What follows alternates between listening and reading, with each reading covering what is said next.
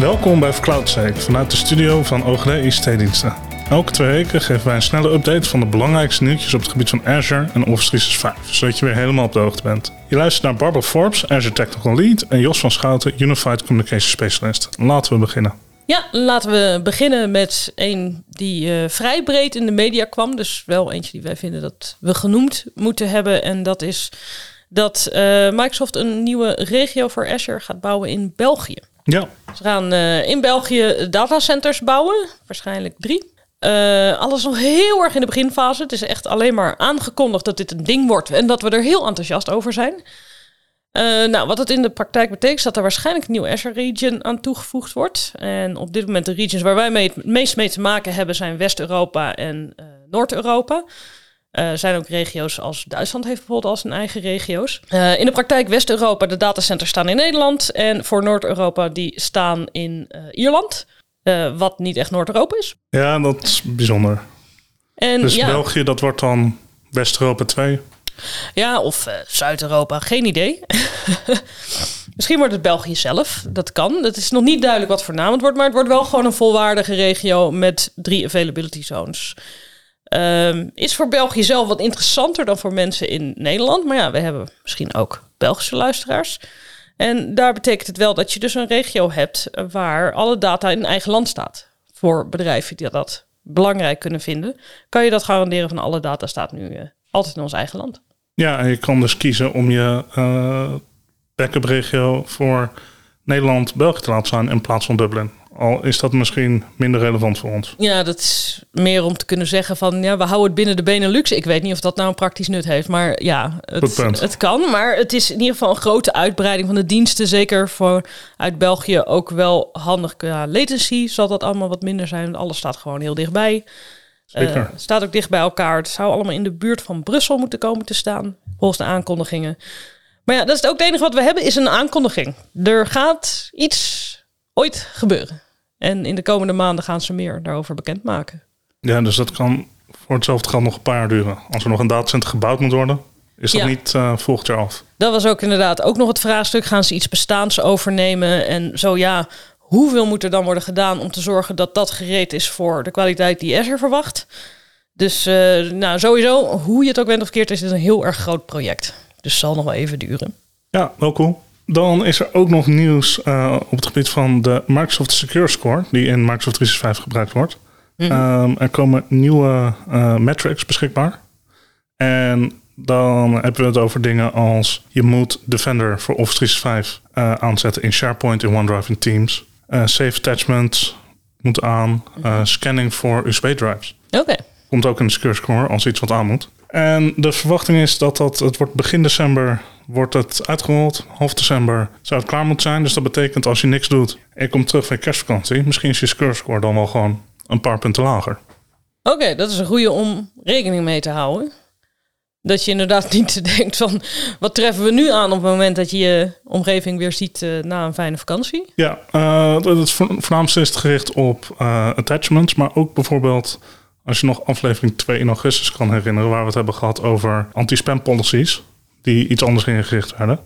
Uh, daar zijn ook een paar aanpassingen in je core score. Dat je bijvoorbeeld niet gewiteliste domains daar hebt staan uh, in je anti-spam policies. Want die horen daar natuurlijk eigenlijk niet. Dus dit zijn ook wel gewoon policies waar je wel wat aan hebt. Absoluut. Goeie om in te zetten. Absoluut. Dus dat, uh, de aantekeningen staan in show notes. De linkjes en ja, Daar kunnen mensen rustig naar kijken. Kan checken van uh, wat er met je score gaat gebeuren. Zoiets. Zeker. Uh, hebben we aan de Azure kant nog een, uh, een wel hele leuke feature die ik langs zag komen. de nieuwe feature in preview is Azure Load Testing. Gemaakt voor Azure applicaties. En binnen Azure applicaties is er nu een aparte resource die het mogelijk maakt om te checken wat de capaciteit van je app is op het moment dat die onder zware druk staat, zeg maar. Dus als jij grote hoeveelheid bezoekers hebt die grote dingen vragen of lang op je website blijven hangen, grote dingen doen, kan je de Azure-structuur eromheen, die kan je neerzetten, bijvoorbeeld in een testomgeving. En dan kan je vanuit Azure dat gaan draaien. Eh, dat doe je met eh, Apache eh, JMeter scripts. Dus je Wat voert, dat? ja, je voert een script in, daar zit de configuratie in. Mhm. Dus een configuratie die je daarin zet van wat jij precies wilt testen. Een, een default zou bijvoorbeeld zijn van ja, wat als er nu vijf users voor eh 10 minuten op mijn website zitten? Kan mijn website dat aan? Waar zitten dan de bottlenecks? Waar zitten de problemen? Dan noem ik natuurlijk een heel klein aantal. Dan kan je heel groot maken. Dan duur je test alleen ook wat langer. Logisch. Uh, maar dan kan je dus checken van, uh, want je kan je app nog zo goed maken, maar het zal altijd even afwachten. Ja, wat nou als die heel erg veel gebruikt wordt? Kan die dat aan? In theorie wel, maar heb je misschien iets over het hoofd gezien? Uh, hij gaat dan die test gewoon draaien.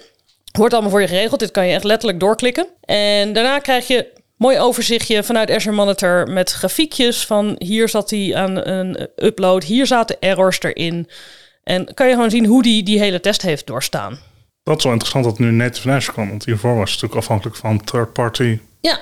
leveranciers. Ja, is in uh, public preview. Ik heb uh, dankzij uh, het congres heb ik er een, een, korte demo van kunnen zien. En het is ook nog wel een preview, want tijdens die demo pakte die hem nou net niet direct. Bleef die hang in de provisioning state, maar alle andere testen die hij had gedaan waren wel goed gegaan. En dat ziet er wel veelbelovend uit. En daarbij komt ook nog het leuke detail dat je het onderdeel kan maken van je CI/CD pipelines. Dat is wel handig. Dus je kan zorgen dat je altijd up-to-date bent met je test. Van uh, Ja. oké, we hebben iets aangepast. Kan onze applicatie nog steeds de load aan die wij verwachten? Is er al een indicatie betreft rondom pricing? Want ik gok dat een miljoen users wat duurder is dan 10 users. Ja, ik heb nog niks gelezen over pricing. Dat is natuurlijk wel vaker met uh, public previews.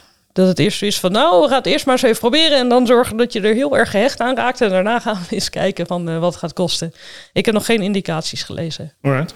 Maar het, uh, het klonk heel bruikbaar. Dus uh, leuke om een keer uit te proberen. Er staat een keurige quick guide uh, online. En ik heb een blogpost die we in de show notes zullen delen, zodat je er alles over kan lezen. Ik ben benieuwd. Dan hebben we tenslotte ook nog een nieuwtje rondom Teams. Er zijn nieuwe policies uitgerold voor uh, het toelaten van anonymous users in meetings. Dus een anonymous user is uh, iemand die niet geautoriseerd inlogt. Een gebruiker uit een andere organisatie heet officieel een external user. Maar dit zijn mensen die bijvoorbeeld gewoon inbellen met een 06-nummer. Ja. Tot nu toe was het alleen mogelijk om tenantbreed te zeggen van ja, die staan we toe. Die wachten eerst in de lobby of daar, whatever we daarmee doen. Die instelling was tenantbreed. En het is nu mogelijk, het is midden november of eind november is het aangezet, om dat per user of per groep te definiëren. Veel gevraagd feature is vaak bijvoorbeeld uh, de directeur of directiesecretaresse moet dit soort meetings aan kunnen maken, maar voor de rest niemand. Dit kan dus nu. Dus je kan specifieke users kunnen zeggen van uh, ik maak een meeting aan